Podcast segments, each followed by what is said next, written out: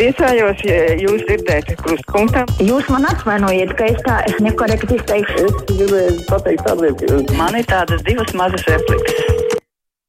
Tālruņa numuru mūsu studijā 6722, 888, 672, 559, varat mums sūtīt ziņu no mūsu mājaslapas. Viesturs raksta, labdien, vārds kratīšana. Notika kratīšana, veicām kratīšanu, jāveic kratīšana un tā tālāk. Tas taču ir smieklīgs termins, kurā vēl valstī uz pasaules izmanto vārdu kratīšana. Izmeklēšana, pārmeklēšana, iztulkojiet angliski un pastāstiet kādām ārzemēs, kādam ārzemēs, ka Rīgas lidostā notika kratīšana. Ārzemnieks pagriezīsies un aizmuks neatskatoties. Šāda replika ir viesturam. Es celšu klausuli. Klausītājs zvana, labdien, esat ēterā. Labdien!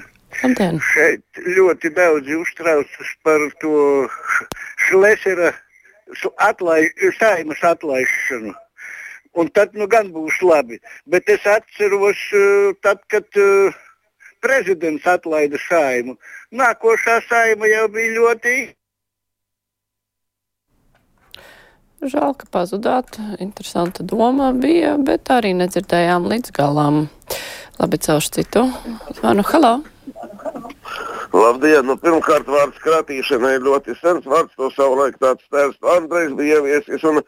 Es domāju, latvieši saprot, ko tas nozīmē. Un nekad jau juridiskus iedienas burtiski netūko, bet man tiešām skatamo izraisīja šis gadījums, kas bija, kur Lūdzas uzņēmējs tika nošauts, kuru visādā veidā mēģināja to Slavkovu attaisnot un viņa tautību kā tādu attaisnojošu pamatojumu, ka lūk, nu jau viņš bija žīts, nu tā tad tur bija antis. Mm -hmm.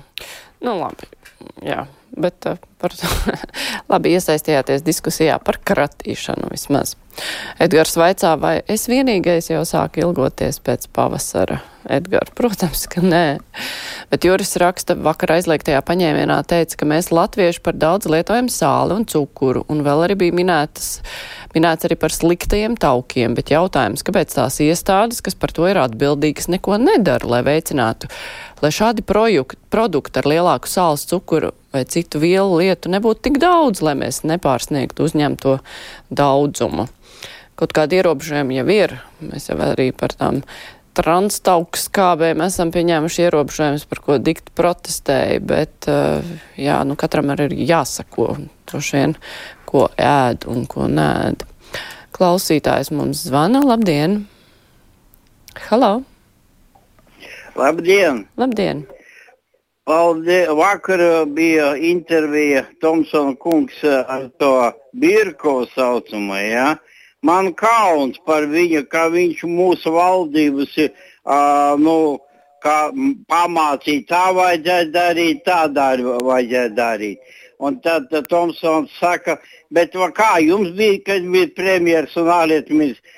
Nu, tad jau tur ar tāpat mums tā negāja. Bet pasaprotiet, kas viņš ir. Viņš ir liekuls. Nu, piedodiet, viņš, kad Latvijas saima pieņem okupāciju likumu, ja, kā Birkovs bija pretim, kas jums atļauj bez manis pieņemt. Uh, deputāts saka, a, kas par lietu, a, ko tagad Maskava teiks? Latvijas ceļš tas ir Pleskavas ceļš. Lūdzu, ne, nesūtiet runāt šitos liekājušus zagļus. Paldies par uzmanību! Nepatika jums skaidrs.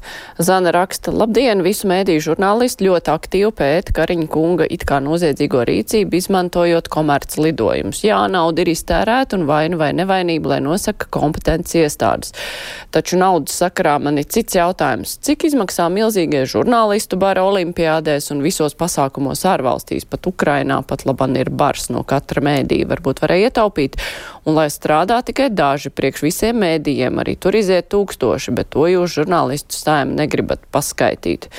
Nu, mediji ir dažādi, tiem ir dažādi īpašnieki, un nevar prasīt, lai viens medijs strādā priekš cita, un par to, ka pa daudz, kaut vai Ukrainā, nu, būtu slikti, ja būtu tikai viens žurnālists, tās ir vienas acis, vienas liecības, jo vairāk acu tādās vietās, jo labāk. Bet, par to lidojumiem, nu, vislabāk jau šādas lietas vērtēt nevis uz emociju pamata vai balstoties uz man šķiet, man nešķiet, bet jā, lai kompetences iestādes izvērtē, cik tas bija valstiski pamatot vai nebija. Citādāk spriest un spekulēt jau ir viegli. Klausītājs zvana, labdien! Labdien! Labdien! Es gribēju pajautāt, kā tas ir? Mēs piešķiram Latvijas pilsonību nu, visādiem iebraucējiem. Bet tagad izrādās, ka mēs ne tikai pilsonību piešķiram, bet tautību. Jo Rasoļnieks bļaustās pa saimnes sēdi, saimnes zāli, ka viņi ir latvieši. No kur laika tad viņi ir latvieši? Vai tad viņiem DNS arī past, pārstāv? Nu, tautība un DNS tās ir divas dažādas lietas. Tur vēl var sākt tagad eh, domā, strīdēties par to, kas tad ir latviets, kāds ir latvieša DNS. Mums ir pietiekoši daudz eh, cilvēku, kuriem ir saknes visdažādākajās tautībās, bet uh, mēs esam valstiski jūtamies šeit piederīgi visi kopā, runājam latviešu valodā un pateikt, ka viens ir lielāks latviets par citu.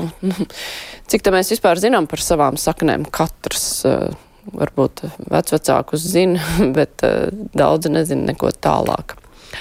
Klausītājs, klausītāja Birut raksta, es arī par saimnes atlaišanu. Vai Šleseram pasliktinājies finansiālais stāvoklis, ka viņš tik ļoti grib atlaist saimu, tad viņš dabūs atlaišanas pabalstu, kurš nebūs mazais, un arī pie bezdarbnieku pabalsta var tikt. Nu, nezinu, vai viņa centieni ir šādi balstīti, gan jau tur ir cita doma apakšā. Klausītājs zvana, labdien!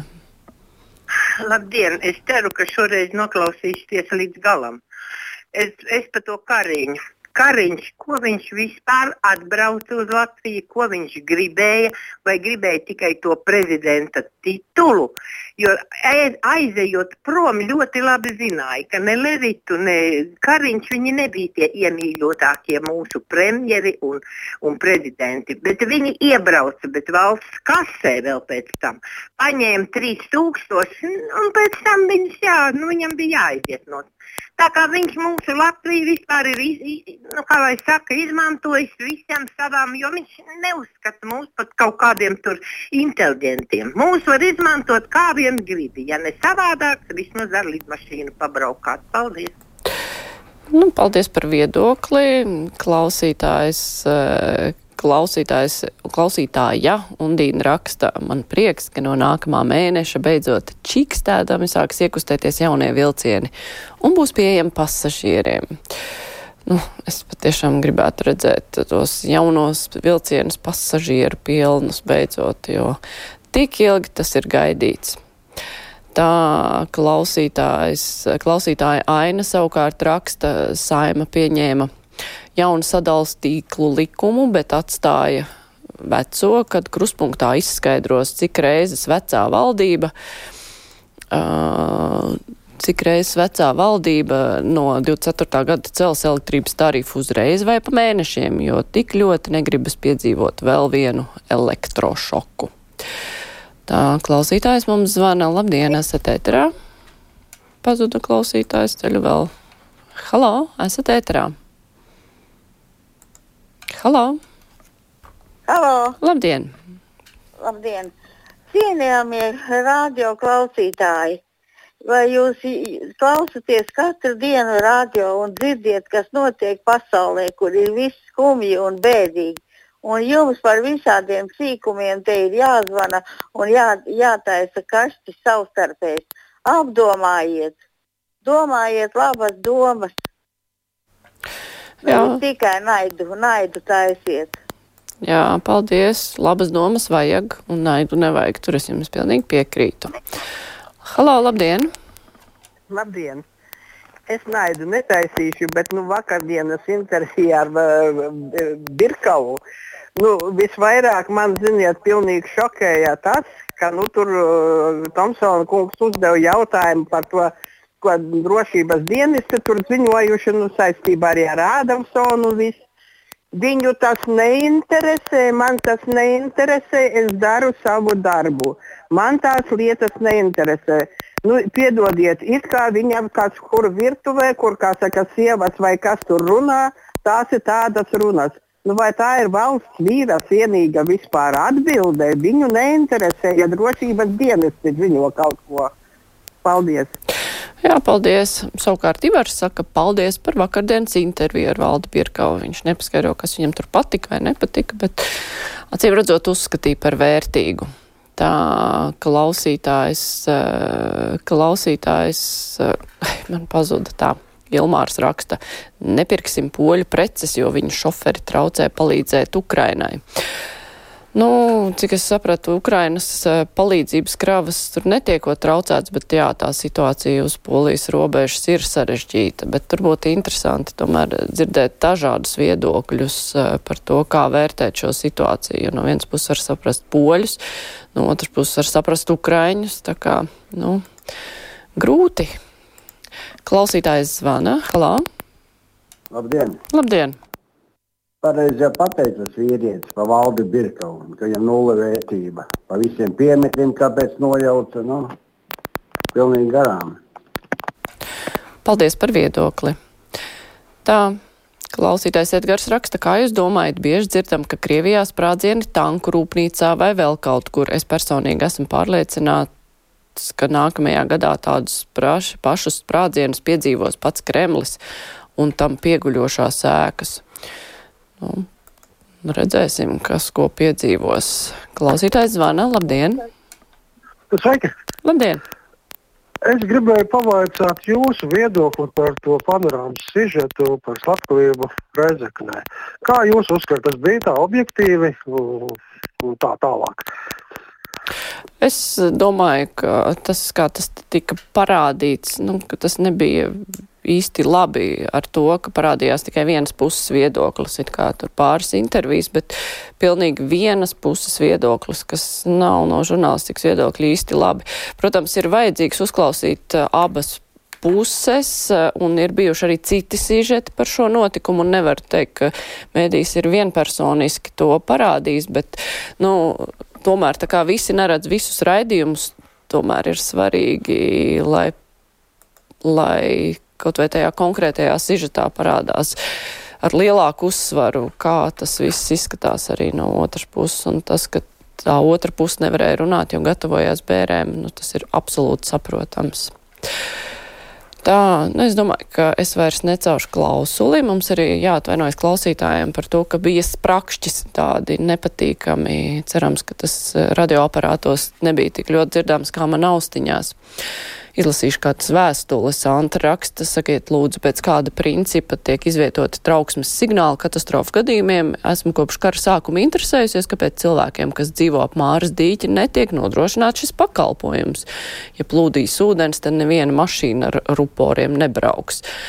Jā, nu, Tāpēc jau te notiek šīs trauksmes pārbaudas, lai saprastu, kur dzird un kur nedzird. Kāpēc tur pie māras dīķa nedzird, nu, tad tas ir jāskaidro. Bet brīvais mikrofons ar to izskan. Paldies visiem, kuri piedalījās, klausoties, zvanot un rakstot. Tagad būs ziņas.